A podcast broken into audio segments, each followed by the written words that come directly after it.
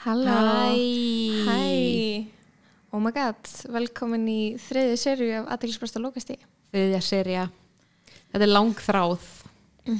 Bæði fyrir okkur og, og náttúrulega fyrir það sem eru búin að spyrja sem að eru nokkrir.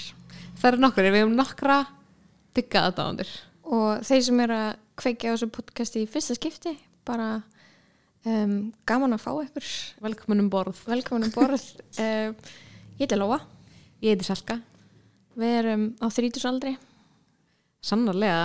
Og við höfum áhuga á uh, popkultúr og ef þú hefur áhuga á popkultúr þá er þetta podcast fyrir þig. Nákvæmlega. Hvað er eiginlega langt síðan að við tókum upp sérst átt á aðtilsvöst? Herru, það var rétt að vera að eignast bann þannig að hver, hver barn. er þetta gammalt?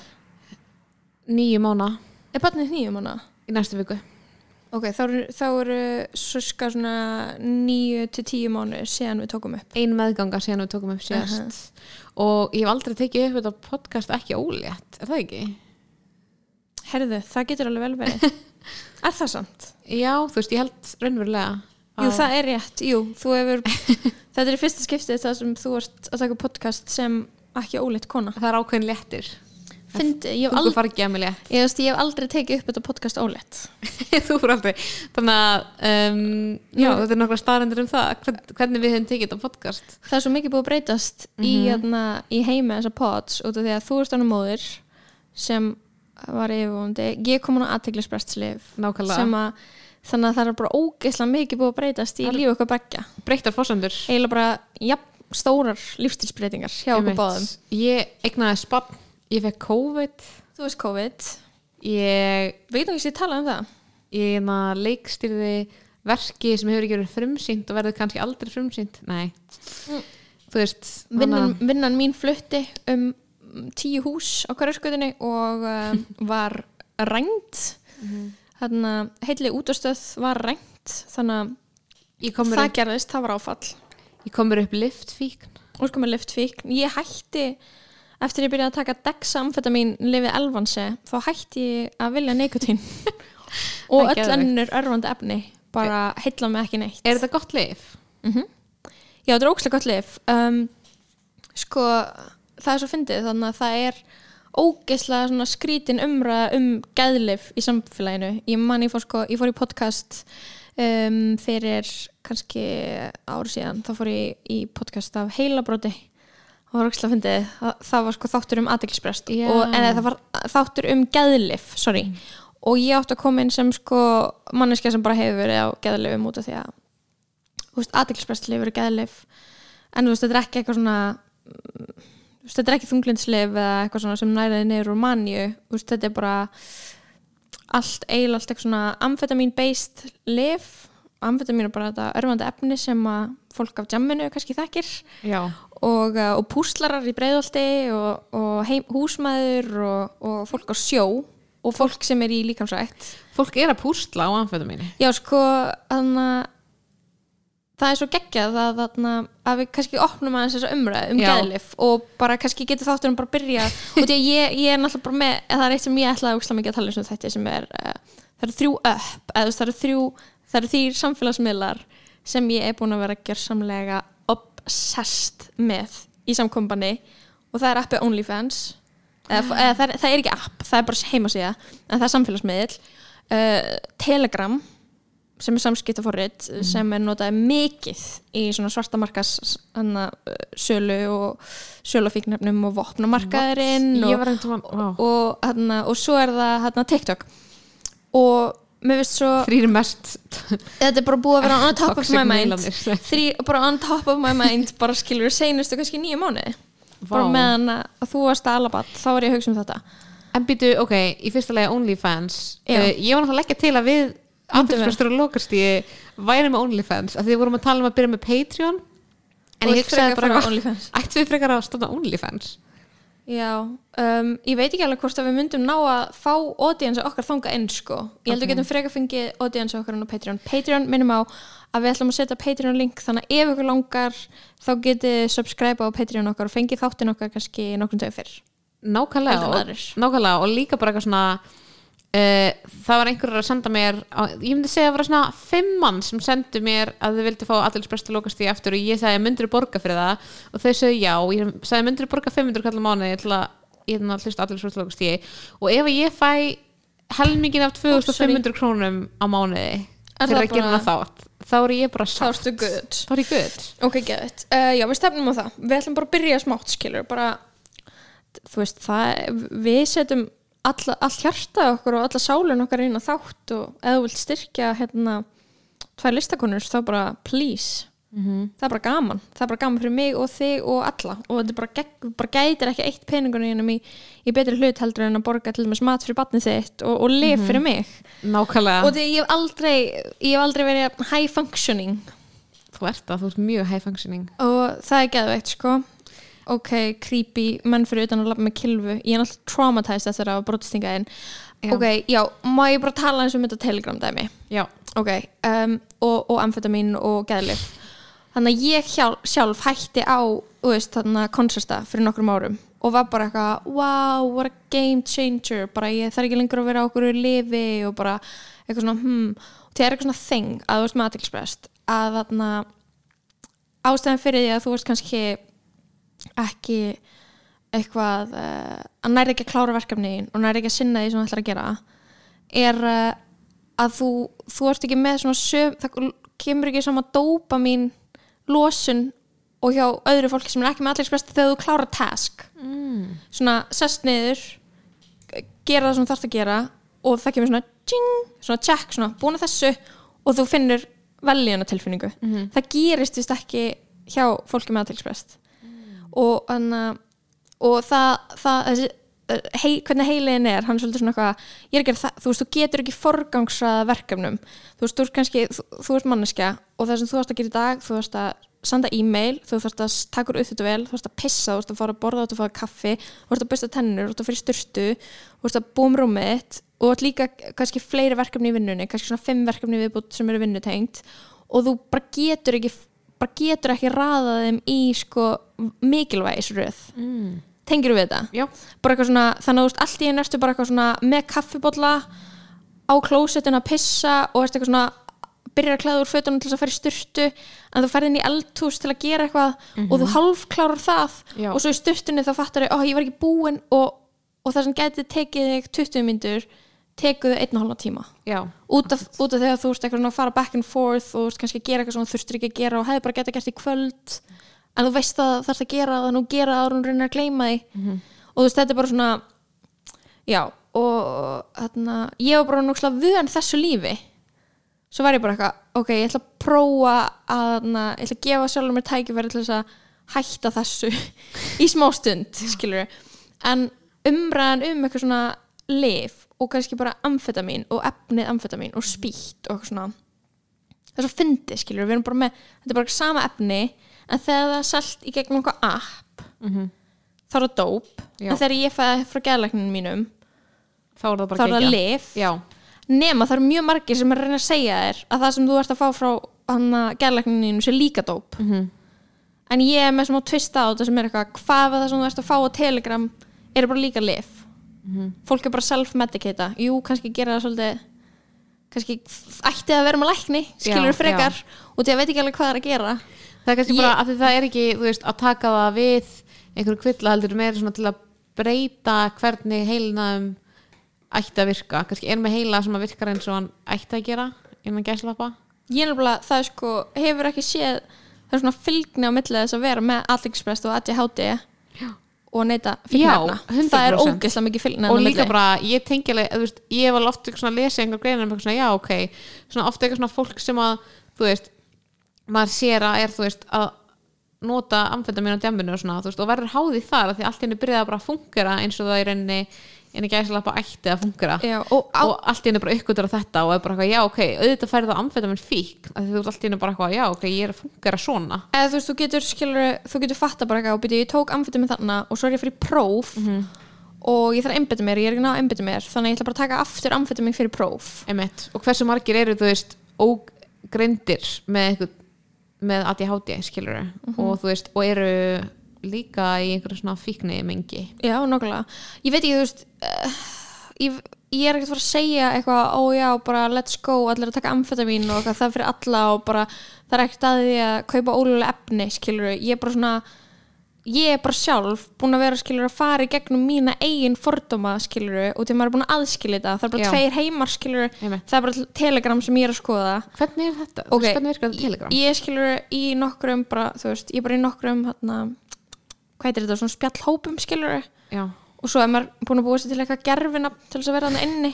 Ég hef aldrei keft neitt. Þú veist, ég er ekki ég, ég kaupa ekki fíknefni skilur, ég er ekki eitthvað að reyna að staðfest það, ég hef aldrei Nei, aldrei þú, ég, þú er aldrei Nei, fíkniefni. ég, og ég er ekki með eitthvað svona þú veist uh, nota ekki svona efni á jamminu eða eitthvað. En ég bara mér veist svo áhugavert að vera eitthvað svona hei já, ég er að nota skilur efni amfetamin, það er í lifinu mínu og ég er að nota það til þess að fungera mm algjörlega. Að ég veit ekki, bara eitthvað svona þetta er, já, einmitt, þetta er fólk sem að leita því saman að þú bara fegst það lögulega hjá lækni. Löglega lækni, borgaði slatta fyrir það. Já, borgaði, borgaði mikið fyrir lækni semsóknuna og svo mikið fyrir lifið og eitthvað. En þú veist, ég held að þetta sé veisla. Já, ég er sagt í grúpum sem þetta Underground vopnamarkaðurinn, grænfriðungar það sem er weed, óluleg dýr heim þetta sölu, það er alltaf verið að leita ólega dýr? Ég er alltaf verið að leita að tarantúlum og snákum. Og það er bara alltaf, reglulega kemur eitthvað bara er eitthvað með snák, er eitthvað með snák? Þá er eitthvað bara, herri, það er ekki að koma neinn dýr út af COVID, skilur já, það er bara þurrkur. Á þe þeim markaði sem öðrum. Já, og svo bara þú veist þú veist það veist, ég er bara það er rosalega mikið að víti til Já. veist, það, og það er bara ferskur, nýtt strain bubble bomb A plus, fjólublátt lauf þú veist, það er bara hérna allt til sölu og það er rosalega mikið það, það kom náttúrulega eftir, eftir september þá náttúrulega duttu trjónupellarinn sem er hérna ofskinnusöpanir mm. og uh, svo er alveg slatta læknadópi þú veist, uh, Sobril Bromazepam þú veist, og ég veit ekki hvað þetta er og svo er, þú veist, snjó emojin ég held að það sé kókain já, og það er bara svo áhugavert að sjá dópsala mm vera að reyna að selja dóp með emojis og hvernig, svona, hvernig þeir eru svona peppa er sko produkti sitt. Þú veist, Vá. annað copywriting. Þú verður náttúrulega að gera þetta því ég man eftir að hérna, þegar ég var í mentaskóla Mhm. þú veist, þá eins og fræktur orðið var ég á stónuraborði Mhm. Í MH og þá veist, var ég á svona og postlista hjá nokkrum grasdílurum og hvað, voru þeir bara, bara hei, ég er ferskur já, svona. já, það fekk maður svona update og þá var ákveðin svona markaðs markaðslögumál í gangi.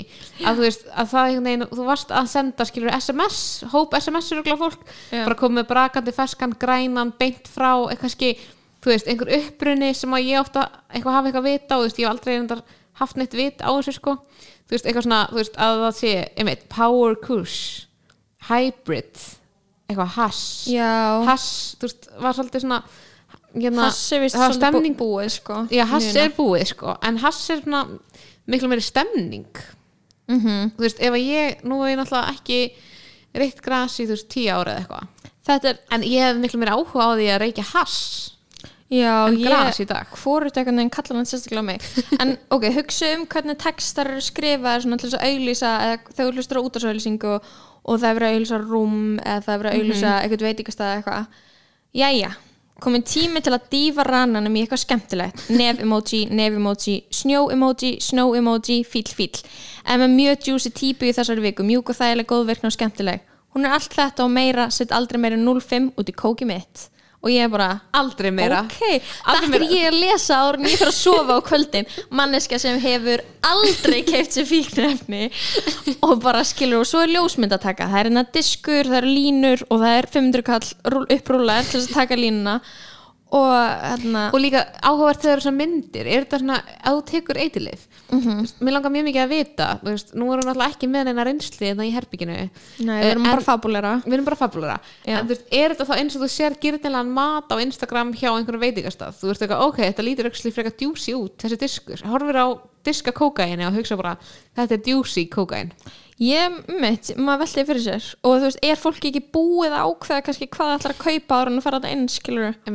svolítið mikið úrvalsamt ég væri ekki einhvern valgfíða Mhm. það er ógeðslega mikið og, ve og veistu hvað ég er búin að taka eftir að það er það er svona tókstrið á milli sko íslenskra sala og erlendra Já. þú veist, íslensku salanir þeir eru bara, þetta er ekkert þú veist, svo segja kannski pólst Einmitt. rusl Já, ok. það er komið svona, ok, þetta er superior og þú ert að kaupa þetta frá Íslanding ekki innflytjanda kannski ákveðið svona hérna, speklun við, þú veist, herrferðina sem að er búin að vera í gangi, þarna veljum íslenskt. Mm þarna látið það ganga óþólandi lag sem að ég er alltaf að heyra í útarpinu og öllum miðlum. Já, það sem er eitthvað svona uh, fyrirgeðu, þú veist, að ég segi óþólandi maður segir, þú veist, auðlýsingar er eiga til að verða það, þú veist, þó að kannski upplegið sé ágætt, sko. Að þú veist, já, þá er þetta svona, þetta er svona sömu gildi að baki í rauninni, sko. Það er ákveðið traust, það er traust af vörni það er einhvern veginn, já, ég treysti þessum sala betur en öðrum. Mhm. ég meina, var ekki alltaf þannig að veist maður vissi bara um einn landasal dæmis, þú veist, maður bara kifti af einum tveimur sem var bara svona trusted sko. aldrei keft landa uh, eða bjórsala mér líður svona smá sko eins og nema sé svona mikill notandi þá er það bara svona óslega random hverju maður er að kaupa hjá.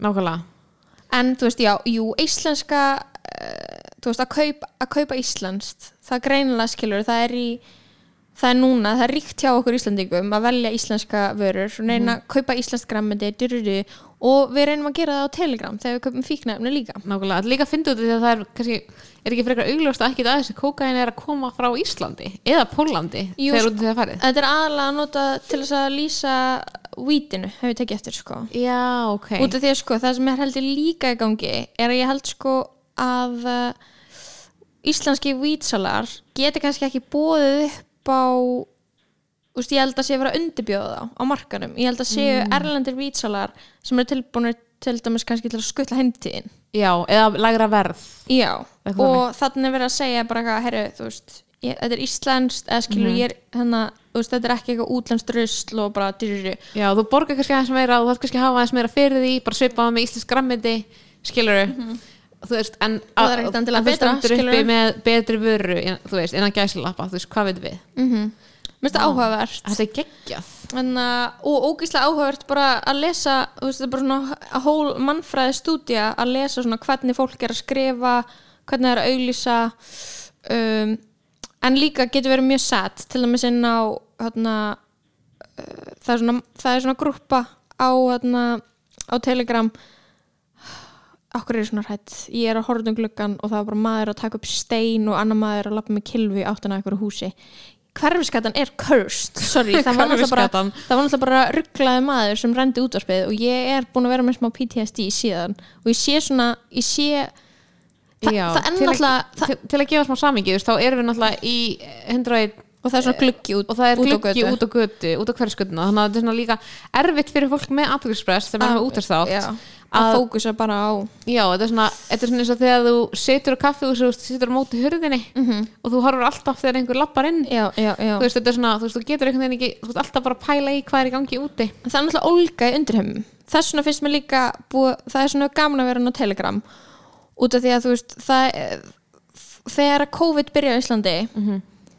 veist, þá immediately var sko brotist inn í bílum minn. Mhm. og, anna, og svo náttúrulega hefur örgulega orðið skortur af fíknefnum á okkur tímpunkti og svo bara minna fjármagn í gangi þú veist þannig að það kreppa og kreppan er líka í undirheimum skilur og þannig og maður er svona í þessu skilur Hva, hvernig áhrif hefur þetta á þá sem eru kannski mest vulnerable? Mm -hmm. miklu meiri skilur, þau bara magnast upp. Já, og þú veist það er búin að vera þarna, þessi crazy þetta ofbeldisvídeó sem var á netinu Já. og hann molotov koktelanir og eitthvað. Og einhver grein á vísi um að vera ólga í undirheim og eldri svona hvað, eldri krimmar einhvern veginn með áhyggjur af ungu kynslóðinni í undirheim, sko, mér finnst þetta Já. áhugavert að ég er, einmitt, hvað er eldri kynslóðin, þú veist, hversu gamalt erum við að tala? Örgulega svona 89 og upp úr? Nei, ég veit það ekki.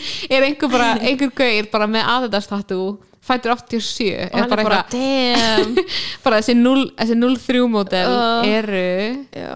crazy. En svo sko, það sem er sad er svona, ég er búin að, ég er orðin svona smá nömm gagvart í, gagvart sko fíknefn og sölun á Telegram, en það sem er ennþá sad er bara, ég er með brotin iPad. Vill eitthvað skipta á brotnum iPad og víti? Uh. og svona, fólk er bara að reyna þú veist, það er svona skiptimarkaðir, þú veist, það er að reyna að koma ykkur út. Og þarna og fólk er bara skilur að pikka upp hluti með hliðin á sér og er eitthvað, vantar ykkur um liklaborð Mhm. svona, ég vil fá þetta eða þetta, ég vil fá spýta eða víta, ég vil fá þetta eða þetta í staðinn. Og, þarna, og það er bara skilur það er svo ógeðslega grillað hvernig hluturinn er skilur verlaður og því að þú veist, þú get, ég er kannski með síma sem bara eitthvað 120 krónur sími og ég er bara eitthvað og því að ég er broke og með vantar skilur fíknefni þetta var svo ógeðslega skakt já, Þú veist, fólk er bara að reyna að borga með ykkuru og það er svo veist það er svo ekki accurate verðlagning á því skilur einmitt Það er ekki- þú færð kannski ekki- kosta ógislega mikið og þú fær kannski eitthvað pínu gras í staðinn. Já, bara út af því að þú veist þannig að þannig að þú veist, þú ert örfantækja fullur já, já, já, og það er svo áhugavert að skoða ég held að maður fatti nákvæmlega eitthvað svona hvernig að þarna þú veist, verðlagning á hlutum hún er bara svo 100% based á aðstæðum það skiptir ekki máli hvað að þetta er bara svo góð svona rannsókn í kapitalisma einmitt, að skoða þetta app nákvæmlega. Telegram, að skoða hvað er að gerast. Við getum alveg hægt að tala um Telegram núna sko. Mér finnst það geggjað, þetta er sko heimur sem þú að opna fyrir mér sem er bara fáranlegur en ég var líka að pæla í því svona því við vorum að tala um þessu auðlýsingar og þessu markaðs uh, lögmál. Mér finnst að fyndi eitthvað svona, ok, það er búið að vera mjög mikið þú veist, það var auðlýsingum daginn sem vekti óslega miklu aðtekli hjá Nova það er svona allsbært fólk sástu þetta? og þú veist, og ég var eitthvað svona að hugsa um eitthvað og alls svona fólk sem var svona að tala um þessa auðlýsingu, þú veist svona þú veist, grúptjátt sem var með eða fólk sem var eitthvað sérst þessu auðlýsingu og svona.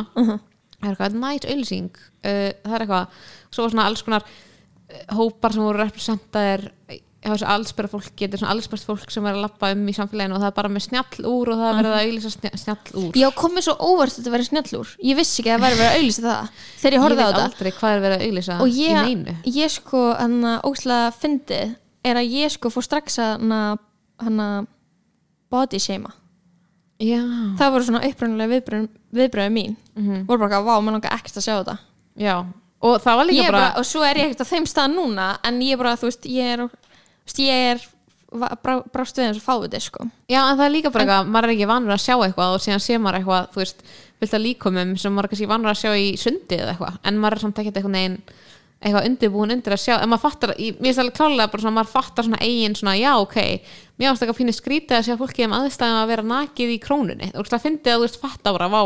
veist, það sem að svona, það er ókslega auðvitað að storka þeim. Já, já. en það sem ég svo fyndi er að það verður að storka þeim í nafni að selja snallúr og mér svo fyndi veist, með auðlýsingar og hvað það getur farið heit umræði í gang og svo svona við enda dags þá er mér bara svona alveg sama. Mér er alveg sama um auðlýsingar og af hverju ætti ég að vera einhvern veginn að- horfa þær sem eitthvað svona ok, þetta er kannski pínu svona þetta er klálega eitthvað sem að, ég held að fólk hafa alveg skoðanir á. Að þú veist, af hverju ætti mér ekki að vera alveg sama þó að manneskja með óheðbundin innan gæsalappa líkama samkvæmt einhvernum fegurastöðlum sé að selja snjall úr með því að koma fram í auðlýsingu skiljið hvað já, ég þetta er meina? bara svona, ok að vinna ógæslega mikið að listamönnum á auðlýsingastofum út af því að listamenn fá hvergi vinnu annarstaðar Já. og svo erum við að tala um bara eitthvað þú veist, auðlýsingar sem er óslega frægar og fólk er bara að fara að horfa til þeirra sem eitthvað svona eitthvað menning, eitthvað svona cultural moment, þú veist, Super Bowl auðlýsingarnar skilur mm það er auðlýsingar liðið Super Bowl og þá koma þú veist bestu auðlýsingarnar og bara eitthvað svona, þetta er ekki veist, þetta er ekki listform skilur Já, er maður, áhugavert. maður er alveg sama um political message Mhm. þú veist pólitísk skilabóðum í au- sk- pólitísk skilabóð í auðlýsingum eru irrelevant. Mhm. Já, og þetta er auðlýsing er svo ekki það sem þið finnst já, ég held ég sé sammála. Að, að það sem er svo áhugavert er sko að ég bara ber fullkona virðingu fyrir því að fólk er að vinna einhver staðar. Og fólk er að veist nýta sína krafta í eitthvað svona út af því að fólk þarf að vinna til þess að veist borga reikningana whatever. En þú veist það sem er líka svo áhugavert við þetta er þegar auðlýsing kallar fram eitthvað tilfinninglega hjá mér þá líður mér bara eins og þú veist eins og mér líður þú veist uh, þetta er svona eins og að horfa á eitthvað svona eitthvað, eitthvað pornhub klám og hérna eftir á þá ertu eitthvað svona með eitthvað tóm inn í þér.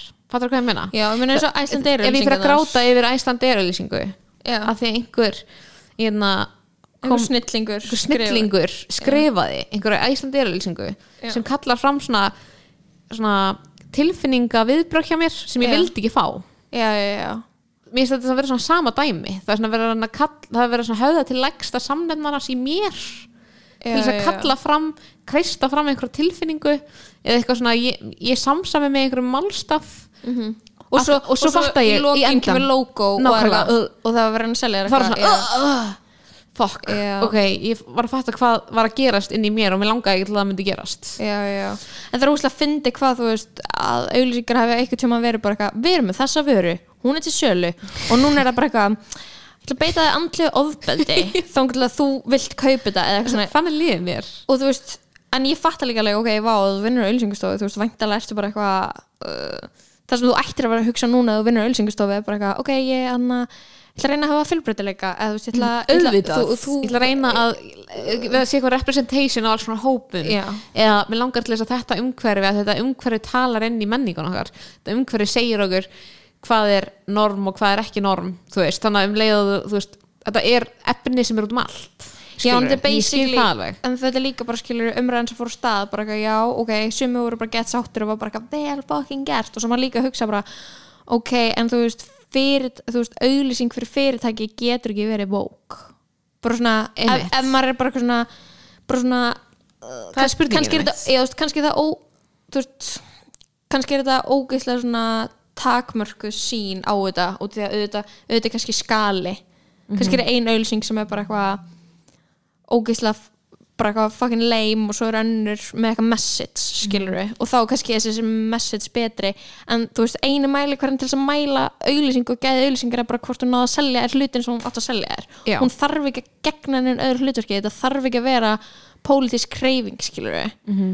og þannig að er gett steikt að vera eitthvað svona að láta eitthvað eins og þú veist, þú lítur yfir árið. Bara hvar náðu við árangri? Skilur, hvað hann um, þú veist, e, lagasetningu og bara, bara við þorfum samfélagsins bara eitthvað, erum við að telja inn góðar auðlýsingar sem eitthvað svona eitthvað, milestones á leið veistu hvað við, bara eitthvað, erum við eitthvað svona já, geggja hana kókauðlýsingin og svo vorum við með geggja Nova-auðlýsingu og vorum með geggja Icelandair-auðlýsingu og maður er eitthvað já, eða skilur við og svo ertu bara með eitthvað fólk, þú veist, já, svo ertu bara með eitthvað fyrirtæki á bakvið og ég meina kannski er fyrirtækið, ég meina eitthvað geðvegt, eitthvað lítið ethical, eitthvað fyrirtæki sem er að reyna að breyta einhverju en þú veist, ég get ekki sagt að ég held eitthvað að Nova sé það, skilji. Þú veist, það er bara eitthvað svona að reyna að selja snjallúr, skiljur Já, þau eru reynda með þau eru, að þau eru að taka mjög mikið þátt í þessari hérna, rafvæðingu raffartækja já, I don't know. Já, Snóva why er að flytja inn eitthvað know, skilur það hefur ekkert að gera með allspert Nú, fólk. Ég veit ekki, ég nenni ekki þú veist, ég, alls með manneskja á rafmakslöfu hjóli. Ég meina, why not? ég er alltaf eitthvað mér finnst ég bara svona oft eitthvað að tala um eins og fyrirtæki sé eitthvað svona óvinnur, þau þurfa ekkert að vera það skilur Nei, en þú veist, ef þú ert með Coca-Cola auðlýsingu og það er, er representaðir alls svona, svona minnilutahópar en þú veist samt, þú veist en, svo í endan einhvern veginn kemur eitthvað Coca-Cola logo, þú veist þá er það það sem að græðir. Þú veist, það er það sem er að fara að græða mest á þessu á endanum Já, þetta, Þetta er bara svona, svona- og, eitthvað, og kók er að stela vatni af fólki í, þú veist, Mhm, og- fátökum löndum, og, og, við, og við erum komin á einhver stað í þessu sem við erum bara, við byrjum þetta podcast við, við fórum alla leið, við fórum vonu djúflegina hér, við erum búin að vera hérna. Fólk eh, baðum að fá skoðanur okkur aftur og það er bara það sem það fær já, æ, Skilurðu? mér leiði eins og ég, ég hafi verið að tala um aðan núna bara svona aðeins að reflekta á bara fyrstu, fyrsta hálftíma á þessu podcasti þegar gott svona halfway through að byrja að reflekta. Bara eftir hvern hálftíma, að þá reflektum við. status check. Að bara, mér fannst þessi ég vona að enginn taki því sem ég hefur að segja sem glorification á fíknefna neyslu. Eða, þú veist, ég bara geða mikið að hugsa ég er að vinna í félagsmyndstöð núna. Já, og ég bara krakkandi al- verið að já, ég bara er ekki að vera kalta en ég er bara, svona, ég er bara eitthvað sjálf að að koma augu á hérna, eitthvað svona fordóma sem maður sjálfu með. Já, og líka bara svona hugmyndir um þú veist official og unofficial. En ég var líka að tala um aðteklisprest mm -hmm. þessi þáttur heitir náttúrulega aðteklisprestur á lokastíði og, hérna, og ég er búin að fá núna erum við búin að vera eitthvað í nýjum mánu ekki að taka upp. Og maður er búin að fá kannski í COVID lætur maður aðteklisprestunum sínum leysa, leika lausum hala. -hmm. út af því að þú veist maður þurfti kannski ekki vera að gera neitt. Maður gæti bara horta ókslega mikið á þætti og bara vera eitthvað svona aðteklisprest queen. Einmitt.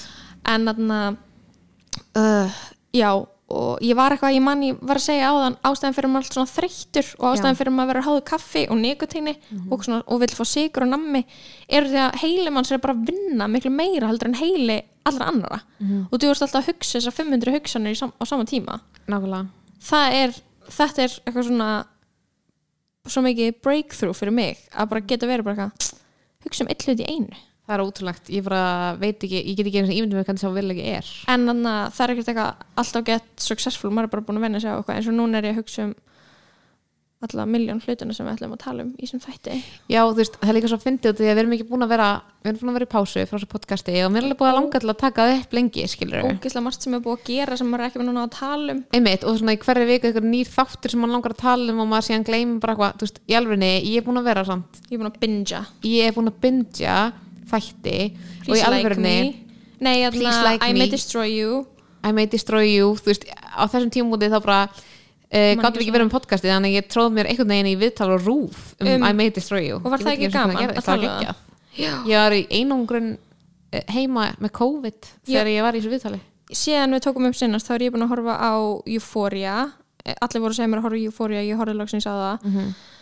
uh, ég horfði á Big Little Lies Vá, var það geggjað það? já. Það eru ógislega margir þættir sem ég er búin að horfa á. Marvelous Mrs. Maisel sem ég var skeðegir ég er alltaf einu bara svona, ég er að fá svona bara wow það er sem ekki til að góðum þáttu Ég veit það, ég var sko ég þarf að horfa- aldrei að gera neitt nema að horfa þætti. Í fjóra klukkutíma í gæri að horfa á þætti. Það er sko farlegt, bara frá Hvað er 8 til 12 þá var ég að horfa á uh, Watchmen þættina Ok. sem eru geggjaðir. Ok, ok, og hérna, það eru svona nokkrir þættir sem að svona, ég er búin að horfa á sem að ef maður hefur áhuga á svona dystopíu eða veist svona alternate reality þáttum. Þú veist, þá eru hérna, Watchmen geggjaðir og his, his Dark Materials. Last einhvern sem hann að gilda áttavitan og Nei, þessar bækur? þetta er genre sem ég forðast mjög heitt sko. Já, ég sko elska alls ekki allt svona fantasy dót og svona. En þessi þáttur er geðið þeir tala ógeðslega, þú veist, bara His Dark Materials, bækurnar eftir Philip Pullman, miklu betra en Harry Potter og Lord of the Rings Ó, fyrst- er það sem ég að segja hér Oh í þessu podcasti. Ég sko, þetta er einmitt eitthvað sem við erum búin að missa af að því að fjallum, við erum til dæmis ekki búin að fjalla um sko Downfall J.K. Rowling Vá, hún Sem- er langt niður í maður.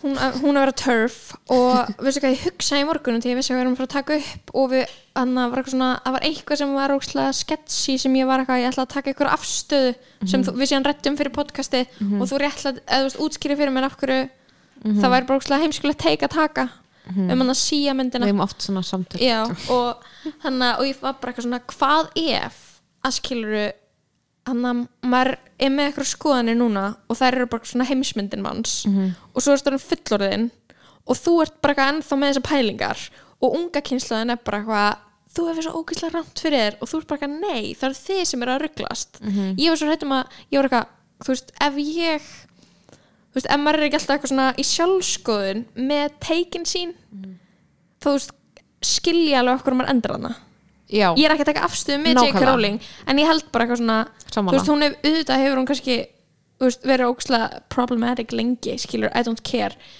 Þú veist, mér, ég var ekki alveg að tengja við að Harry Potter væri hérna uh, væri problematic bók. Nei. Nei, mér Þú veist, gett ekki- beautiful að þú veist, hugsa um þetta svo þarna Daniel Radcliffe var með eitthvað svar við henni sem var bara eitthvað, ef að Harry Potter bækunar þú veist voru einhvern veginn, þú veist sögutráði þeirra var einhvern veginn hjálpaði þér eða var til staðar fyrir þig og þú varst transmanneskja þá er það ennþá þannig. Að þú veist, mér finnst líka bara að geta mikið og enda svona fantasi og eitthvað þannig. Þú veist, ég held að fyrir alls konar fólk sem að finnur þess ekki í einhverju svona núverandi heimsmynd vá, ég með geð hljóma sem heimsbygglega pæling hjá mér akkurat núna. Ok, ok. Ég hefna, ef að þú finnur þið ekki í einhverju svona heimsmynd sem er hérna, þinn raunveruleiki sem ég held að þú veist mikið að transfólki upplýðir, þú veist, ég man eftir að lesa veist, það sem að ugla hérna ugla Stefania. Svaraði hún J.K. Rowling já, hún hefur skrifað, veist, hún hefur gert það en hún hefur líka skrifað pistila sem hún er bara útskýrir henni svona sína vekkferð þegar hún áttaði sem hún væri transkona Mhm. og hérna, það er hann að tala um þú veist að hún datt inn í þú veist, tölvuleiki. Þú veist, ég man ekki hvort það var vó eða eitthvað skilur og hún fór og hitti fólk sem voru að spila tölvuleikin með eitthvað í Breitlandi eða eitthvað. Já. og var það í fyrsta sinn sem sagt, hérna, meðal almennings sem kona. Ok, og, hérna, og hún talar um þetta Mhm. og mér er svo, þú veist, áhugavert að veist, þetta, er einhvern veginn eitthvað sem maður er að hýrta oft áður er að, er að fólk sem að veist finnur sig ekki í þessar, þessum raunveruleika þessari Mhm. heimsmynd og getur einhvern veginn ekki verið það sjálft í henni það finnur sér oft í fantasi bókum, veist, einhverju þannig samfélagum og Mhm. þetta verður alltaf til samfélagi í, kringum svona fantasíu þannig að auðvitað er eiginlega fullt á transfólki sem er bara mjög af því að það fann sig í einhverju fantasi heimi sem allt var mögulegt og núna er hún bara neyta þeirra tilvist já, og það er svo já. steikt þú bjóst bókstæðlega til bækur þar sem að þú veist, allt er einhvern veginn mögulegt á einhverjum svona þú veist, galdra þú veist, það er eitthvað svona töfrar þú veist, eru allstaðar en þú veist einhvern veginn ekki tilbúin til að við ekki tilvist einhver hóp sem er í alveg til í heiminum og hefur einhvern veginn verið afneitað af þessu, þessum boring normatífa heimi og það lengi skilur, þetta er það bara ekki að sárt og þess vegna fannst mér geggja að þú veist Daniel Radcliffe sem leik Harry Potter í myndunum, sagði bara, þú veist, ef þessar bækur þú veist, gerði eitthvað fyrir þig þá bara er, þú átt samband við þessar bækur sem kemur þessum höfundirinn ekkert við. Þú veist, mér veist það bara alveg rétt. Þú veist, auðvitað er þetta eitthvað svona samtali um eitthvað, að já, listamæður, representative blubleið, þú veist, auðvitað er hún með fullt af valdi hérna á fórsendum þess að hafa skrifað þessar bækur. En á sama tíma þá, þú veist, getur einhvern veginn ekki tekið þá reynslu af fólki, þú veist það er bara mjög sorglegt ef að svo reynsla sem það átti að bókunum eða eitthvað samband sem átti við bækunar er bara eitthvað rústað út af því að hún er eitthvað stúpid, þú veist, auðvitað er allir að fara stúpid, eitthvað meira vittlusir eða meira þröngsýnir alveg margir, þú veist, eftir því sem er eldast. Og ég finn þetta líka alveg hjá mér, skilur ég hef einmitt hugsað þetta sama bara, þú veist, eitthvað sem fólk er að segja sem 22 eða eitthvað núna. Og maður er eitthvað svona, hvað þú hefur svo ókslega rámt fyrir eftir að fatta þetta setna, maður hugsa þetta Já, stundum, svona, en þá held ég, þú veist, einmitt Ég að ef að maður átt að sjá þessu að maður, eins og þú ert að segja veist, að maður átt að sjá því að maður þarf að tjekka sínar skoðanir Já. alltaf á og til já, og hlusta. Og hlusta á líka veist, stundum er ég líka bara heiti eitthvað ungt fólk sem er eitthvað á þú veist með ógislega svart hvítar skoðanir hugsa ég, já, já, já, eins og ég var með. Já, ég og mér finnst það að einhver leiti bara gott. Og nú er ég líka bara að segja Já. það að, þú veist, að hafa búið til list með börnum skilur Já. er að þú veist það eru mjög svarkvita skoðanir í gangi. Það er ógislega gaglegt oft já, já, að sjá hlutinu bara þannig. Veist, að vera bara eitthvað, ok. Bara kannski þurfti ég ekki að flækja þetta svona mikið. Kannski Einmitt. við alveg bara að vera sammála um þetta. Bara stríða vond Já, bara en stundum er þetta uh, veist, skiptir ekki máli, stríða vond hætti þessu, bara geggja message skilur sko, hann að ekki þegar ég myndi einhvern tímann segja bara eitthvað, veist, mér langar ekki að segja ef neitt sem er að hlusta og sérstaklega að það er eitthvað trans að hlusta bara eitthvað, það er eitthvað skiljanlegt að J.K. Rowling sé svona, þú veist, það er ekkert skiljanlegt við það að ykkur ætla að taka ógeðslega fordóma full á gamaldags Einmitt. auðvitað er hún bara búin að auðvitað er hún bara ekki með neitt credibility. En þú veist ég líka bara eitthvað að hugsa um söguna. Við þurfum ekki að fara að horfa á Harry Potter söguna núna og vera eitthvað þú eins og eitthvað tvítað um daginn að pyrra mér svo ógeðslega mikið. Þetta, er ódemokratísk saga. Þessum kallkjönd karakterinn bjargar, og maður eitthvað þú veist, þetta er bara þú veist, ég, þegar ég las Harry Potter þá var ég Harry Potter. Já, skilur einmitt. mig, þú veist, ég var ekki eitthvað ok, Hermæni er stelpa, þannig ég liti vera Hermæni skilur, ég er bara eitthvað, maður lesi þetta út frá al karakternum, þú veist, þetta er hans líf og eitthvað svona og út frá svona samstöðinni þeirra á milli. Já, og- er ekkert eitthvað að bara- hann er í rauninni að, með microaggression. Nei, og lögmálinn skilur í þessum heimi, bara eitthvað svona veist, það sem maður tók með sér voru ekki eitthvað svona lögmálinn að þarna, hvað þetta var eitthvað svona ódemokratist og hvað þetta var eitthvað svona eitthvað male savior bla bla bla, maður var eitthvað svona mann fannst bara geðveikt að Hermæni var að berjast fyrir réttundum þarna álfana. Og maður, þú veist, maður, það var svona margt í manni sem að, veist, maður er með svo rétt, mikla réttlæðiskend sem bann og maður er svona, já, nákvæmlega nákvæmlega, skilur og ég, ég held að hugsa þessi algjör óþarfi að taka ennum bókaflokk og vera eitthvað, já, já, hendum honum í ruslið. Algjörlega. Whatever, skilur Já. hann er bara að ég veit ekki, út af því að ég var með svo ógeðslega sarkvita skoðanur um eitthvað aðskilja listinu frá listamannum. I don't know mér finnst það bara alltaf að ég gera það þegar það henda manni ég held að maður verði sko að aðskilja að því marki að ekki það að þú getur þú veist, styrst þá manneski að manneski er að gera eitthvað þegar við tökum eitthvað út í allen eða eitthvað mm Mhm.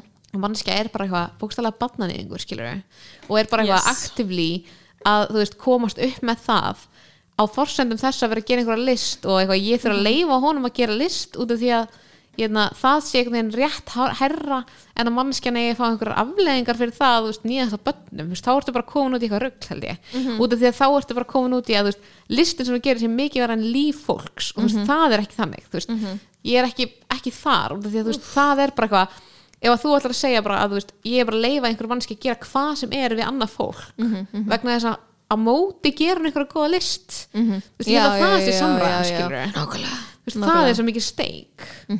En þú veist þessar, þessar bækur, það hér stakk materials það er þú veist til dæmis hvern al aðal karakter og síðan kemur líka annars strákur inn í það og, veist, og þetta er bara svona þetta tala svo mikið inn í okkar heim veist, þetta talar Nána. ókslega mikið inn í bara heiminn, þú veist, bara svona það er rosa mikið um eitthvað trú og trúleysi og Ok. það er svona sem í svona katholska kirkjan og eitthvað svona, þú veist svona illöfla verki og svona svolítið svona um þroska og synd Já. og þú veist, einhverju svona pælingar og þetta voru geðið þetta, þú veist, ég var bara þú veist, ég, þetta er svona þætti sem ég er að horfa, ég er að horfa nokkra þætti núna Já. sem ekki verið einn í hverju viku þannig ég er svona Ah. spennt á einhverjum degi að fylgjast með því Ú, I like that -hmm. ég er að horfa á, þú veist His Dark Materials sem koma á sunnudum í Breitlandan, ég horfa á mándum Mhm. og svo er ég að horfa á Bachelorette nýjastu seríuna Mhm. sem kom á þriðdum og ég horfa á það miðgudum Ok, og geðveikt. þetta er bara svona að gefa mér eitthvað tilgang hvað það er að meina, já, já. þú veist, í COVID þú veist, gefa mér tilgang að fara þú veist, heim, vera spennt fyrir einhverjum ákveðnum dögum Mhm, svona smá að endur ykkur það svona þessa línlegu dagskrá sko. Já, já, ok, ég er ekki búin að ná dættin í hann sko Ég er að bingja á, á nætunar Ertu búin að bingja Love and Anarchy? Nei, ég er ekki búin að hafa tíma Eftir ég byrjaði að vinna í félagsmyndstinni og get ég ekki horft hjá mikið á þætti.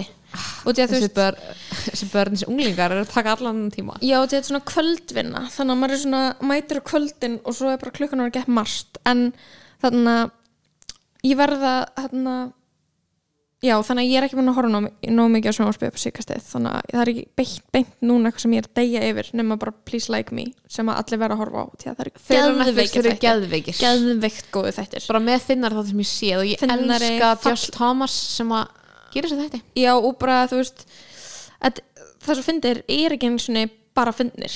Allt annað við þá er gott. Já. og ég bara, maður er bara reglulega bara svona get emotionally einhvern veginn tekin skilur inn, að þú veist þú veist, þetta er ekki bara eins og horfðast í rock. Maður er bara, bara, bara erfi topics. Þeir eru svo sannir. þunglindi og bara látt sjálfsmat og bara eitthvað vinátta, eða það er bara eitthvað get mörg element í þessu. Og líka Josh Thomas sem gerir þetta Please Like Me hann er Ástrali. Og ef þetta er þetta New Zealand? Ah, Nei, þetta er alltaf, okay. Australia. Um, hann uh, veist, skrifar þetta er svona 24 það er eiginlega pirrandi. Það er eiginlega perrandi það er pyrrandi sko. Þannig að ég, en, en svo fatt að ég bara eitthvað æ, whatever, hann er bara king. En sko, ég verða líka að tala eins um þarna ástæðinu fyrir okkur ég fór að hugsa að ég var að passa mig að vera ekki, vera ekki J.K. Rowling Já, og finnast við verðum öll að passa okkur að vera ekki tekið já, svona, finna það sem, finnast það sem yngra fólk er að segja pyrrandi og þeirra feminismi pyrrandi er þú veist, ég er búin að vera í alvörun að spá í bara geðað lengi, bara hvað gælum sem eru svona 7, 8, 9 árum yngre en ég bara svona hvað þær eru að pæla. Hmm. út, út af því að ég er búin að vera skoða svona Instagram feminista Já, og þarna við erum náttúrulega bara svolítið blest að þarna við kannski kynnumst feminisma áður en að samfélagsmiðlur eru til.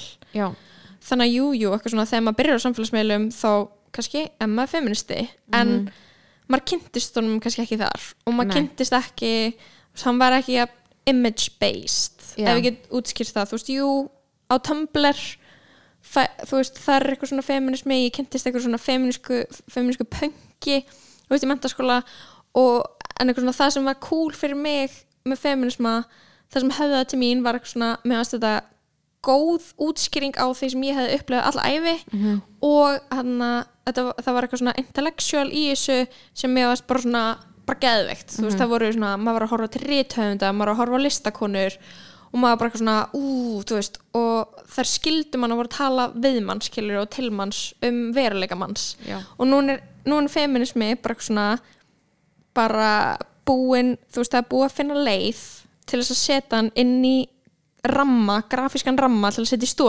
Já, og, og skilabúðin, það búið að pólisa þau niður í bara fyrst er kærastinn leðilegur, hættu með honum. Mhm. uh, það búið að vera veist, og ég er bara eitthvað að hugsa um Florence Given skilur, sem, að, sem að er hann bresk, hún er bresk, hún er tvítug hún er um, hún er bókstala held í 0-0 model vá, sko ég þarf einhvern veginn að og hún, hún kallið Floss og hún heitir Instagram akkántin hennar er bara, ég ætla bara aðeins að ég veit ekki af hverju hún pyrra mig svona mikið bara, og ég, þannig að ég veit að hún er fætt fullt af 99 einmitt, Já, ok, 21. fætt 99 en hún, það er langt síðan hún byrjaði hún byrjar skiluru undir tvítu Já. að vera, hún er með 578k fylgjendur. Hún er UK-based artist and best-selling author Cosmopolitan Influencer of the Year 2019 og akkántin hennar er bara Florence Given og hún gaf út bókina sína Women Don't Owe You Pretty núna í sumar. Og þú veist, hún er að vinna með skilur það er bara, þú veist, það er svona þú veist, þetta er mjög svona girly, kvenleg fagufræði, skilur, sem þú Já. getur séð og hún er líka listakona. Hún er hönnur og hún er, þú veist og bókin hennar, þú veist, er búin að vera í, þú veist, 12 vikur á toppnum á, þú veist, Sunday Times bestseller lista. Þú veist, hún er bara brjál, þú veist, á allir ég er búin að segja ógislega marga, þú veist, að ógislega margir að lesa þessa bók og ógislega margir fíla þessa bók, þú veist, ég á eftir að lesa hana, þú veist, ef ég er alveg hreinskilin. Sko, hérna er skilabóðan hennar love sex, hate sexism stop scroll veitu, white women we have work to do. Ok, allt er góðu. Refuse to find comfort in other women's flaws. Life is short, dump them. It's a wonderful day to dump him. Ok, skilur mig. Og hún er skilur um, hún er Instagram áhrifavaldur. Hún er núna orðin rithöfundur og hérna, eitt af það sem hún gerir er, veist það er held ég byrjunin á á þessu öllu, ég var ekki aðeins að lesa um hana er að þú veist, þetta byrja sem skilur hún að hanna fött eða skilur kannski tote bags eða bóli eða eitthvað með svona grafísku áleitrunum hennar. Og þannig að og svo út frá því og eitthvað svona, svo er eitthvað svona hugmyndafræði kringum það svo er hún búin að vera að tala mjög mikið um eitthvað toxic samband sem hún var í en það sem ég var svo áhugavert er bara eitthvað svona ég var svo slegin þegar ég komst að því að hún var í tvítug ég og það, veist, er ég búin að reyna að horfast í auðu aldursfordumana og því ég var bara eitthvað áhverju pyrraði mig svona mikið að tvítug manneska er að kenna fólki um lífið?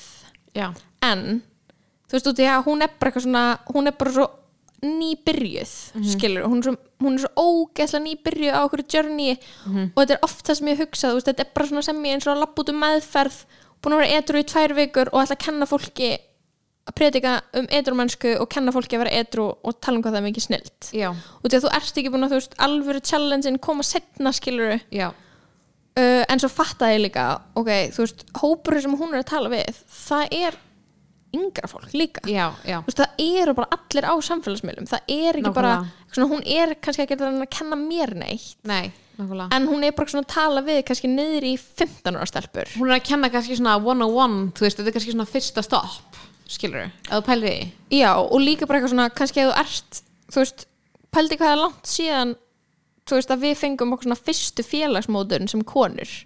Það var ekkert bara eitthvað þegar við vorum í kringum tvítugt. Nei, nei, nei, það var bara eitthvað þegar við vorum 11 ára einmitt. sem einhver var eitthvað svona, þú ert að haga í svona kringu stráka og Já. þú vilt eiga svona sambönd og svona, þetta er ekki sætt þegar þú gerir þetta og svona, þú lítir vel út núna og illa út þannig, skilur það er langt, það, þannig að þú veist ef hún er tvítug og hún getur talað með þessar yngri stelpur þá er hún það alveg já, en ég er bara svona þessi, ég veit ekki hvað þessi feminismi perra mig svona mikið, svona frasar, línur. Ég held að sé Svona- að, að verða að svona kondensa eitthvað sem er fyrir flókið já, í veist, það er eitthvað bara, ótrúlega svona eins og þetta dump him eitthvað, eða þú veist mér finnst áhugavert eitthvað svona á einhverjum tímpundi þú veist, þá, ég meina eh, minna mín skoðan er bara eitthvað ef að þú hvort yngra fólki skilur hefur bara mjög oft verið bara eitthvað einhver eiga ógeðslega erfitt samband. Ég er bara eitthvað, af hverju ertu að því? Þú veist, þegar maður er er ungur bara, þú veist, þú þarft ekki að vera að þessu. Ertu 19 ára og þú er búin að vera með kærastænum í 5 ára og það er búið að vera leða allan tíman bara um, ættir 100% að dömbunum skilur við, þú veist, eitthvað svona, svona dót skilur við en, auðvitað. en þú veist, á sama tíma þegar maður, er- maður er að pæla í því sjálfur maður er eitthvað svona, vá hvað fyndið? Ok, það er fyndið, þegar maður var eitthvað svona þegar ég var 18 ára eða eitthvað. Og ég var búin að vera í sambandi og það var ógeðslega, búið að vera erfitt ógeðslega lengi eitthvað 19 ára eða eitthvað. Og maður var að tala vinkunni sínur um það þá var maður alltaf eitthvað já en öll samband ganga náttúrulega gegnum ógæslega erfið tímabil. Já, já, og maður var eitthvað svona að tala um þetta eins og þetta væri bara forever og þið værið í tíu ára hjónabandi og þið værið að eiga rough patch. Já, já, Eitthvað svona þið verður að reyna að láta hlutina ganga fyrir börnin Já, skilur þegar þið eru sjálf börn. Það er svo ógæslega fyndið, maður var alltaf bara eitthvað svona já, en ég meina að þetta er bara þú veist, oft er, kemur svona tímabil þegar maður er búin að vera saman í þrjá mánu Já, ég meina þú veist, maður er bara, eitthvað, maður er bara ógeðslega mikið að repeata eitthvað discourse sem á ekki við mann, skilur einmitt. en líka bara eitthvað, þú veist núna Siggadögg líka búin að vera með gett mikið í stóri um skilnaðin sinn og, og Florence að tala um þú veist, eitthvað veldið að vera hamingisum og þetta er bara held ég ógeðslega flókið, það er kannski bara gett gott að feminista sé að tala um þetta út af því að þú veist um, hjónabandið skiluru ég hef náttúrulega oft talað um þetta eitthvað svona, hvað er hvað er erfitt fyrir konur hvernig Mhm. konur eru óhamingjusamar. Mm eins og núna þú veist sendur mér eitthvað grein konur eru óhamingjusamar í COVID hvernig liði betur.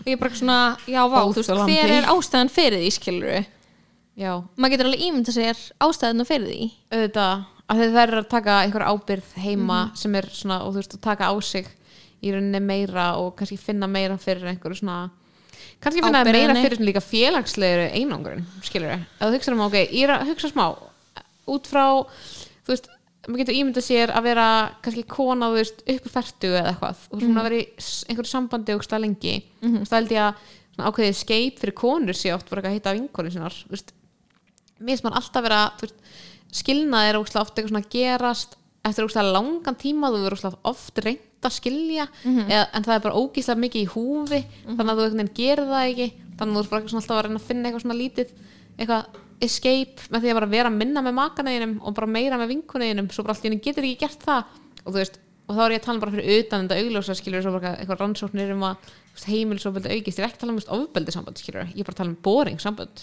bara sambandi sem þú ert bara eitthvað með einhverju manneski þú veist, sem þú bara átt ekki sérstaklega sa- mikið samhæld með. Og þú ert bara, þú veist, komin einhvern veginn þangað og þú ert bara eitthvað ógæslega mikið í húfi með þessar manneski skilur en líka kannski bara eitthvað algjörlega og líka bara eitthvað svona já, þú veist, það er COVID bara, það er mitt hlutverk að láta allt ganga upp. Já, bara svona, Einmitt. ah, eitthvað þú þú, svona, þú, konur eru svo ofta eitthvað svona félagslegi í leikillin í sambandinu, einmitt. Býðir fólki mat heldur bóðin, bara svona nú ertu eitthvað ah, hvernig redda ég þessu, svona, hvernig redda ég ammali fyrir badni mitt, svona hvernig Mhm. svona, ah, nú er ég bara um ammali, hvað ætla ég að gera? Þú veist, það potið eitthvað svona auka áhyggjur sem á bara skipta kannski suma gaurikinn máli, en þetta er samt svo steikt pælingu til að ég svona ég las ekki greina, ég las bara fyrirsögna sko, ég las helmingina, helmingina greinu þetta var greinstundinni, þetta var hérna, þú veist, rann, eitthvað svona búið að tala við fólk og þú veist, og þá allan að kom uh, að þú veist, til dæmis voru þeir eitthvað líkamlega betra formi, eitthvað kallmenn, eitthvað bla bla wow. uh, sem er svona áhugavert og þeir eru kannski bara, þú veist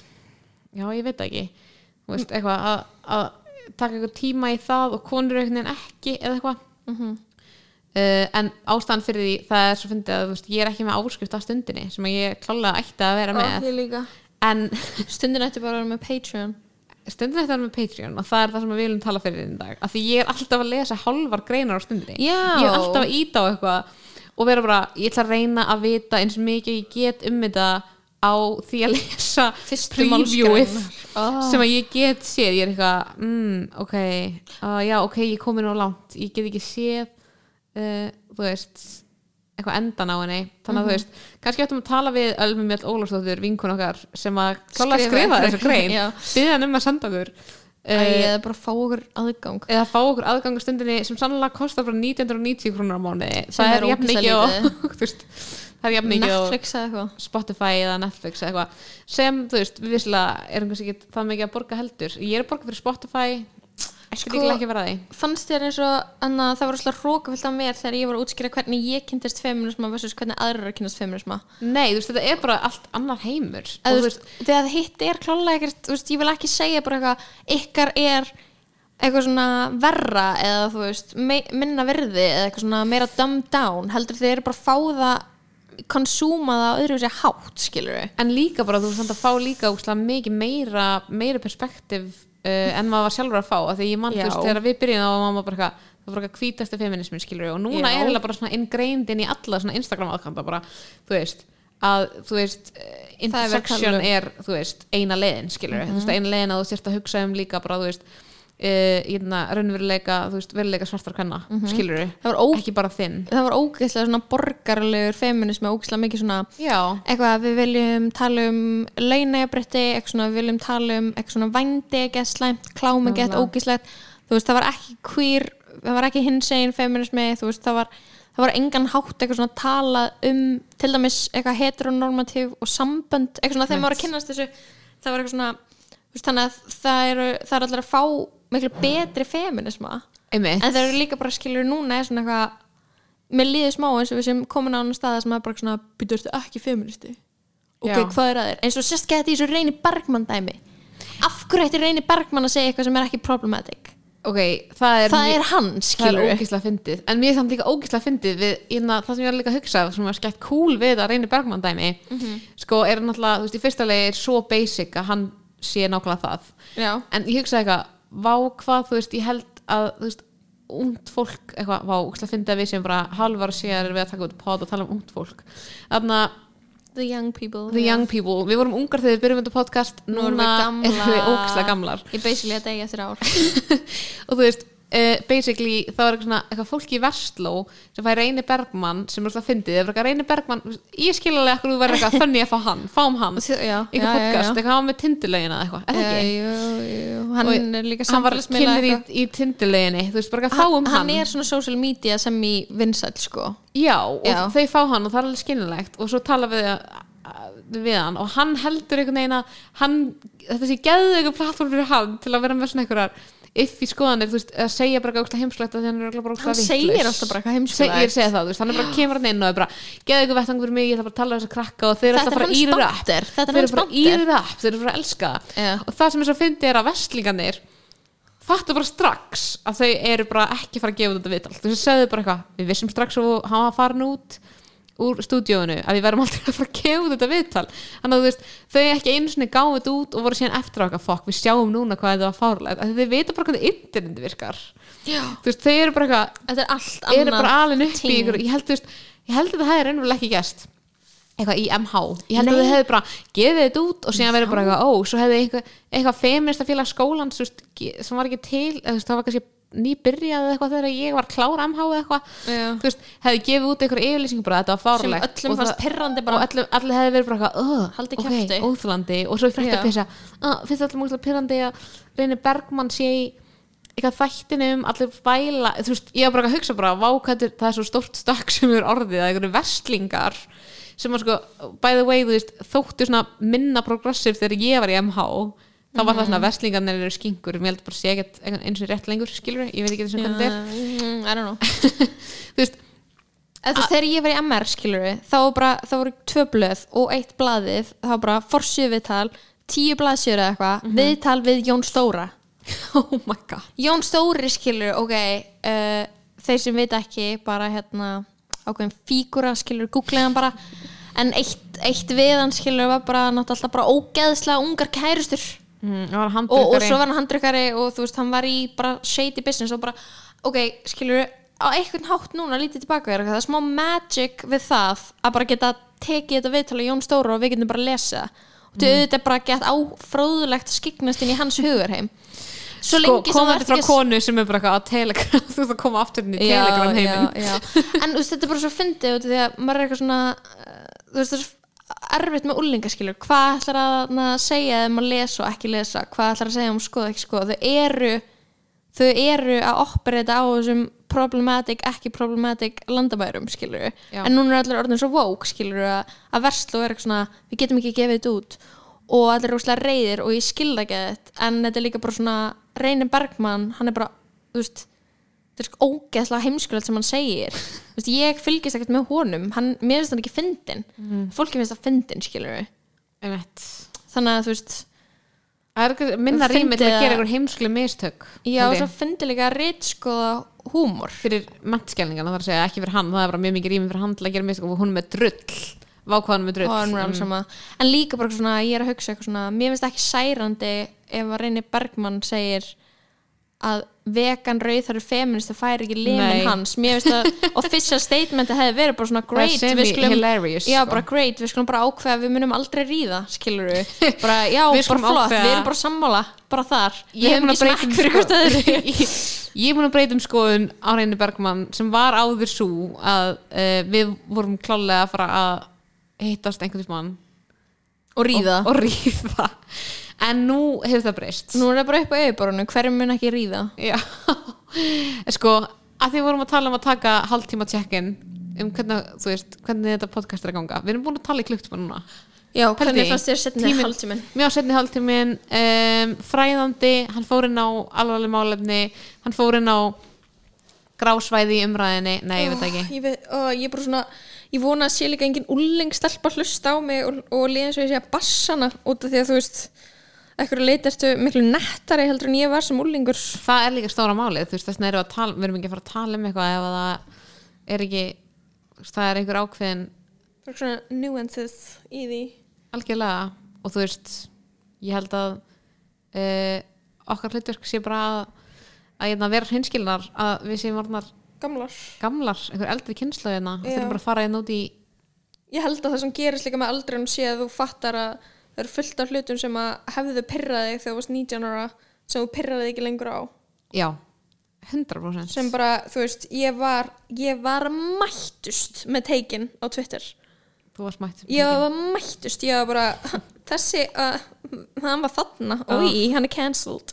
Og núna er ég bara eitthvað, já, þú veist það er líka ókslega fyndið og til við endum senastu seríu á því að vera bara, við vorum bara það er heimsendir í nánd. Og ég mér aldrei verið ég hef aldrei verið eitthvað ég veit ekki okkur en ég bara með geð- februar 2020 Já, og núna er ég bara eitthvað svona, ég er eitthvað ekki að hugsa um heimsendi, ég er ekki að hugsa um loftsarsvanna, ég er ekki að hugsa um textiliðnaðin, ég er ekki að hugsa um ég er ekki að hugsa um hana dýri, hana factory farming ég er ekki að hugsa um hvað sársöki og vonbreiði eru óumflýjanlegur hluta lífinu og dauði og þú veist, ég er bara eitthvað ég er bara til í eitthvað svona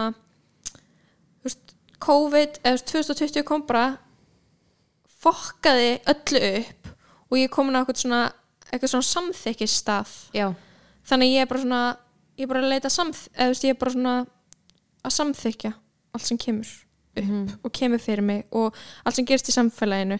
Og Brynja Níelsson segir eitthvað eða Sirur á. Andersen eða hann að Reyni Bergmann eða eitthvað þá er ég bara svona ok ég held að þetta er ákveðin þreita samt, skilur sem að breytist í einna, að vera sama, skilur hvað ég meina? Já, veist, ég finn mjög mikið að fyrir því. Ég er svona að horfi á hlutina þú veist, þetta er ekki beint það að maður sé bara eitthvað að ég er komin yfir það að vera það er kannski ekki að vera senn. Nei, þetta er alveg, þú veist, að mér finnst, þú veist, hjá mér, að þetta vera bara svona þreita, þú veist, það sem ég horfi á eitthvað sem Brynja Níalsson segir í hundraðast skipti Já. og ég er bara búið með orkuna og ég er bara ánægð einhver annar sem orkuna til þess að segja eitthvað um það, en þetta er alltaf ákveðin bergmálsbreið sem er að tala inn í síðan, þú veist, síðan er ég bara að horfa á skoðanir einhvers fólk sem hvað Brynja Níalsson segja og hugsa, já, Brynja, Brynja Níalsson er alveg sama. Hvað og hann þér er finnst? actually iconic uh, tvítari, verði ég að segja. Brynja Níalsson, problematic skoðanir ógislega um, random fyndin á Twitter. Ég veit ekki, mér langar alveg smá að vita bara sér hann um Twitter aðgangin sér sjálfur? Já, 100% hann er alltaf að segja eitthvað, ég held að það sé svona unintentionally fyndið, er ég að meina sko. Já, já. Hann er alltaf að segja eitthvað en svona, samt er náttúrulega bara ógeðslega gáfaður maður skilur, það er enginn fyrir að veist, Mhm. ég er ekki here for it að eitthvað sé eitthvað að kalla hann eitthvað cursed, ég er bara eitthvað já, þú veist áttu eldri karlkins ættinga hefur umgengist eitthvað karlmann yfir þrítugt eða?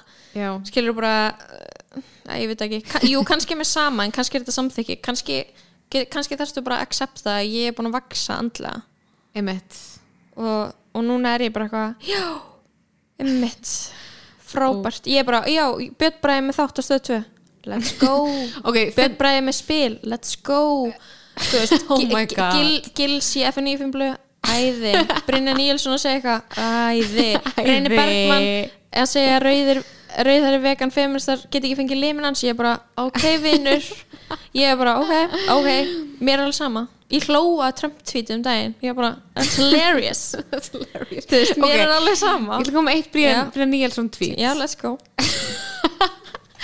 það var alltaf jarðskjált um daginn? Allir voru að tvíta um uh, hvar, hvað væri, þú veist, hvernig Brynja Níelsson hefði bröðist við. Vegna þess að Brynja Níelsson famously bregður mjög öðvöldlega ok, uh, dóttir mín er til dæmis endurvætt Brynja Níelsson. Það bara er, kemur einhver, einhver óvænt druna úr 500 km fjarlæða hún er bara, með bræður ósla mikið en hann, hún Níelsson. bræður komíst hún mikið. bregður komist mikið og það er mér fyndið. Já, og það kom ég að skjálti fólk að tvíta um þetta og hann tvítaði skil ekki hvað margir hafa haft áhyggjur að því í dag hvort ég verði lífsega liðin fólk lækar, hann svo, þú veist, að einn aðeins neður flestur hefði áhyggjur af því að ég var á lífi en færði hvort ég verði liðin. Þetta er funny sko. Já, ég fatt það já, flestur hefði áhyggjur af því. Flestur hefði áhyggjur af því hvort ég verði liðin.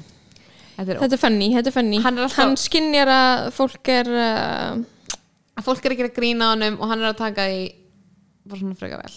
Já, og það er alveg bróksla að fyndið já, og þú veist og hann er með kalt hann á Twitter þú veist, ég er ekki eins og að follow hann sem er eiginlega algjör mistök sko.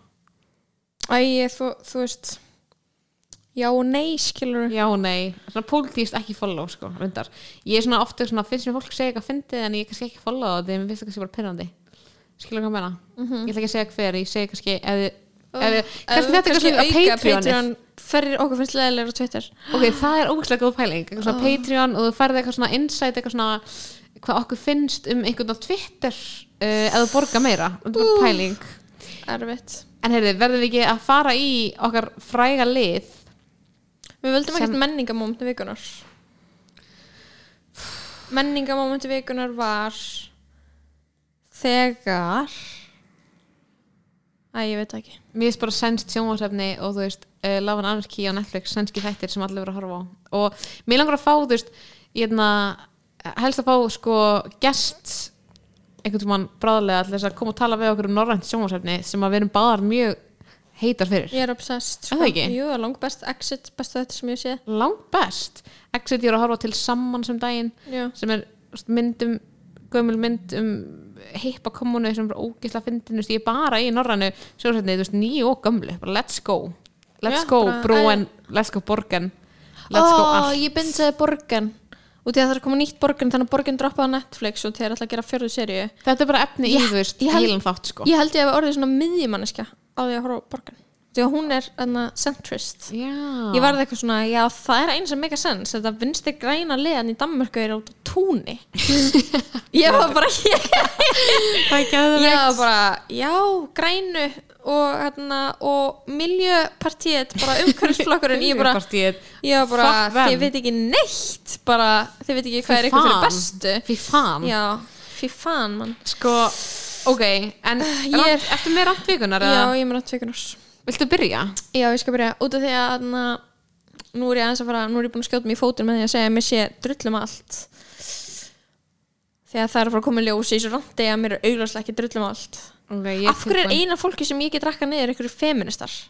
Skoði við, af hverju er ég bara ekki að let's go reyni Bergman en ég nota podcastum eitt í að tala illum tvítu að stelpa á Instagram sem er spreading feminism? Þú veist, ég held að kenningi mín er að, þér, finnst þú geta náð eirum einhvers þannig. En er, er hann að en er ekki bara internalized Jú, kvenfyrleting? örglega, örglega sko veist, það fyrir mjög oft í töðan á mér þegar fólk er svipað og ég. King shit. Ok, ég er tilbúin að þetta rand uh, þú hefur einu myndu hef ég mínútu að 30 sekundur? já, þess að randið uh, fyrir þá sem kannski nýbyrðir að hlusta. Fyrsti þáttur. á potið þá er randvikunar uh, mínúta sem við tökum til þess að randum eitthvað sem að fyrir ósleikt töðunar á okkur. En, en, og Salka, útrás fyrir allar neikvæði tilfinningar En sem við lóa erum báðar uppfylla En við erum bókstæla búin að vera randa í klukktíma. Já, Það það er bara bónus. það er bara bónus fyrir á hlustendur. Ógeðslega fyndi að vera með rand podcast. Hlustendur vilja meira svona, ég held að ah. hlustendur upplifa katharsis. Það er svo ógeðslega fyndi að við erum eitthvað, að það er ómikið strákum með podcast Svo erum við með mesta svona hlusta á mig tala í klukktíma Ég er svona manneski sem elskar að hlusta mín einn rödd oh. og núna vil ég fá borga fyrir það Já, og og- það er staðan Og núna er ég að fara rand í mínútu um uh, Já, Þið kom bara í ljós Ertu bara- ert- ert er tilbúin? tilbúin. Byrju, seg- einn, tveir og byrja Ég ætla að randa um friðarsólan á því að friðarsólan, ég skil hann ekki Ok, nú er skandi og það er alveg kollega myrkur skilur við erum að tala um bara, þú veist, svartur heiminn og kvöldin þá sem maður bara svona eitthvað, eitthvað hvíta, ljóta línu skera heiminin upp og maður er alltaf eitthvað svona já, betur, þetta er ekki norðurljós, þetta er ekki ljósastaur þetta er, hvað er þetta? Hvað standur þetta fyrir? Þetta er friðarsólan, hún er við þeim og ég skil ekki af hverju við vildum einhverja friðarsúlu í við þeim í fyrsta lagi, þetta er ljósmengun, öðru lagi, þetta er ekki flott í, 30 þriðja- sekúndur. í þriða lagi, ef þú þarfst að minna eitthvað land í heiminum á frið, þá er það ekki Ísland aldrei her, þú veist, já við tökum þetta í NATO, já það var það var þarna uh, her, skilur á keflauguflugulli en þú þarft ekki að segja okkur að vera á móti stríði út af því að við vitum 15 það. sekúndur. ok, 15 sekundur og svo manneskjan eh, sem, sem er atna, þessi friðarsóli til minningar um er heimilisofbeldismæðurinn John Lennon. Þannig að þú veist hvað sense? Heldum við að þetta myndi draga túrista til landsins til þess að horfa á okkar ljós kvítljós, þetta er ekki oh eins og flott þetta er búinn. Oh my god vá. Uh, ég hefði getað gert þetta í 5 minútur í viðbútt ég ég hata veit friðarsóluna ég veit ekki okkur ég bara svona, ég skil ekki bara what went wrong. Hver skrifa undir að hafa þetta hérna?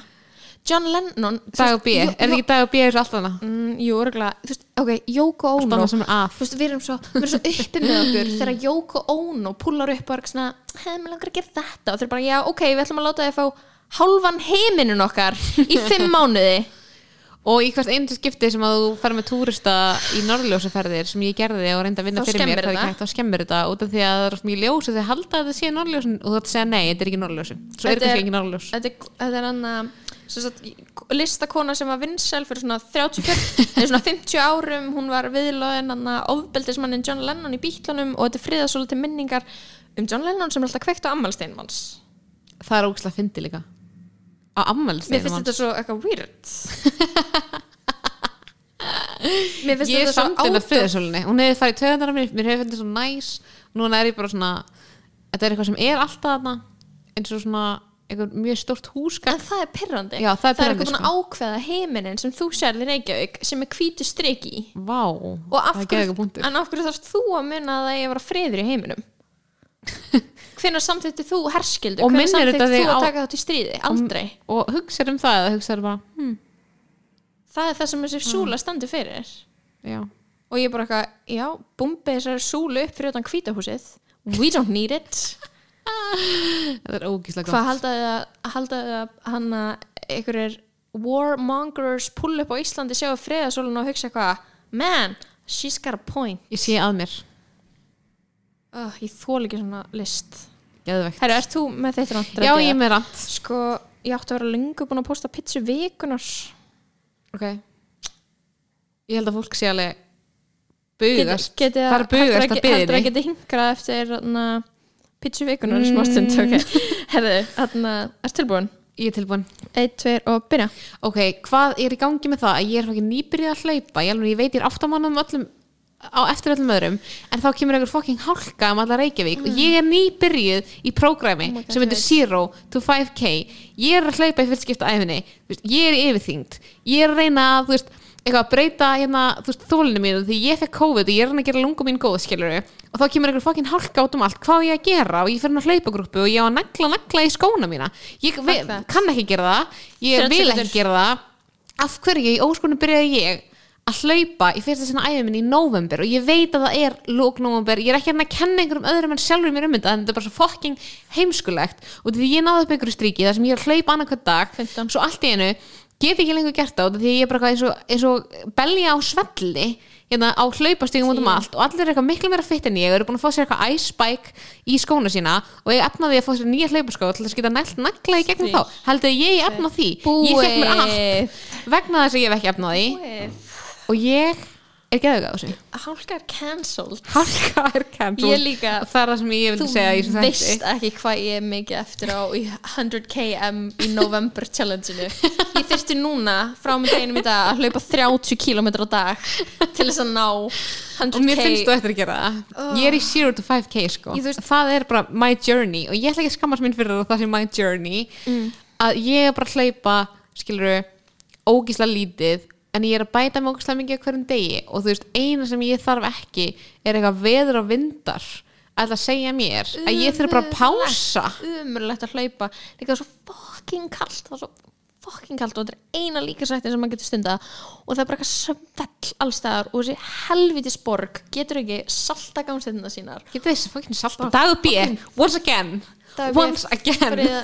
Dagur með sína friðarsúlu. Ah, Með friðið svona persónulega. ábyrgur. Persónulega ábyrgur Fyrir því að ég sjálfsmyndin mín Þetta er sjálfsmyndarshift Sjálfsmyndin mín var alveg að fara út í Ég það var svo peppuð í þessu útilöfu sko. Já, sjálfsmyndin mín var að verða ég hlaupari. Já, Nú líka. bara Ég- 100% Ég var sem í jeopardized. Ég er að hugsa um sko kaupa mér hana hálku, svona hlaupa brotta undir skona Hver er að negla nagla í skona Fólk sína? What is your problem? Fólk er að því, það er, að, það er að því vilt og galið. Já. og er, þú veist, verklegra en ég. Þú veist, ég myndi ekki eins og skilja hvert að byrja og hvert að enda með það skilur og það myndi bara enda mjög illa og það myndi enda með nagla í hælnum á mér og ekki neist annars þar skilur Wait, I love it.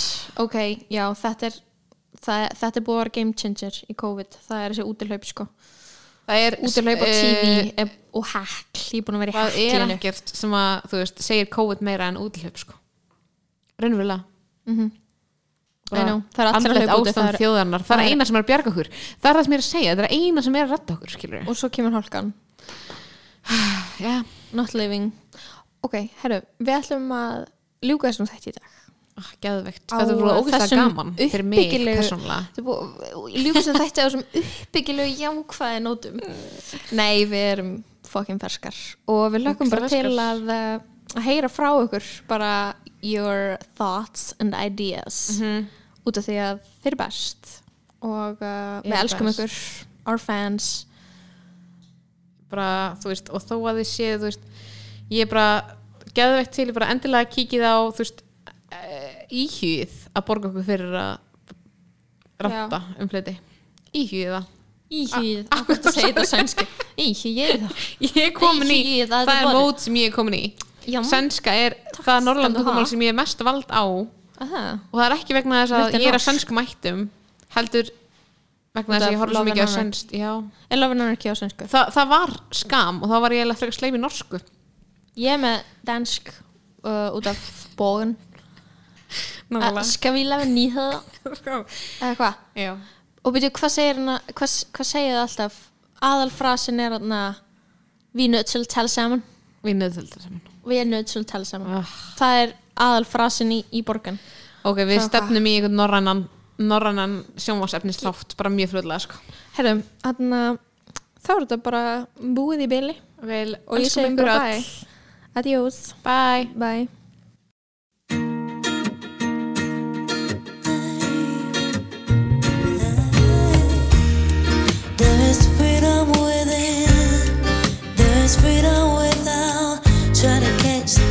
days in a paper cup.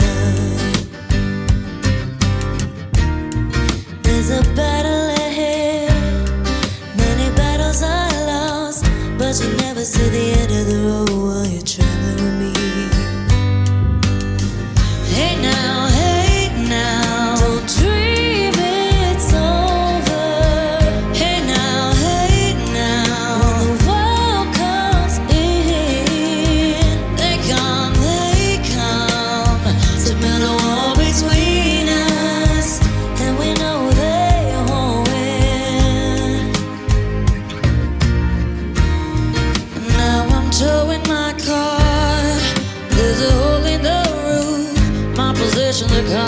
Suspicion, but there's no proof. And in the paper today, it tells of war and of waste. But you turn right over to the TV page.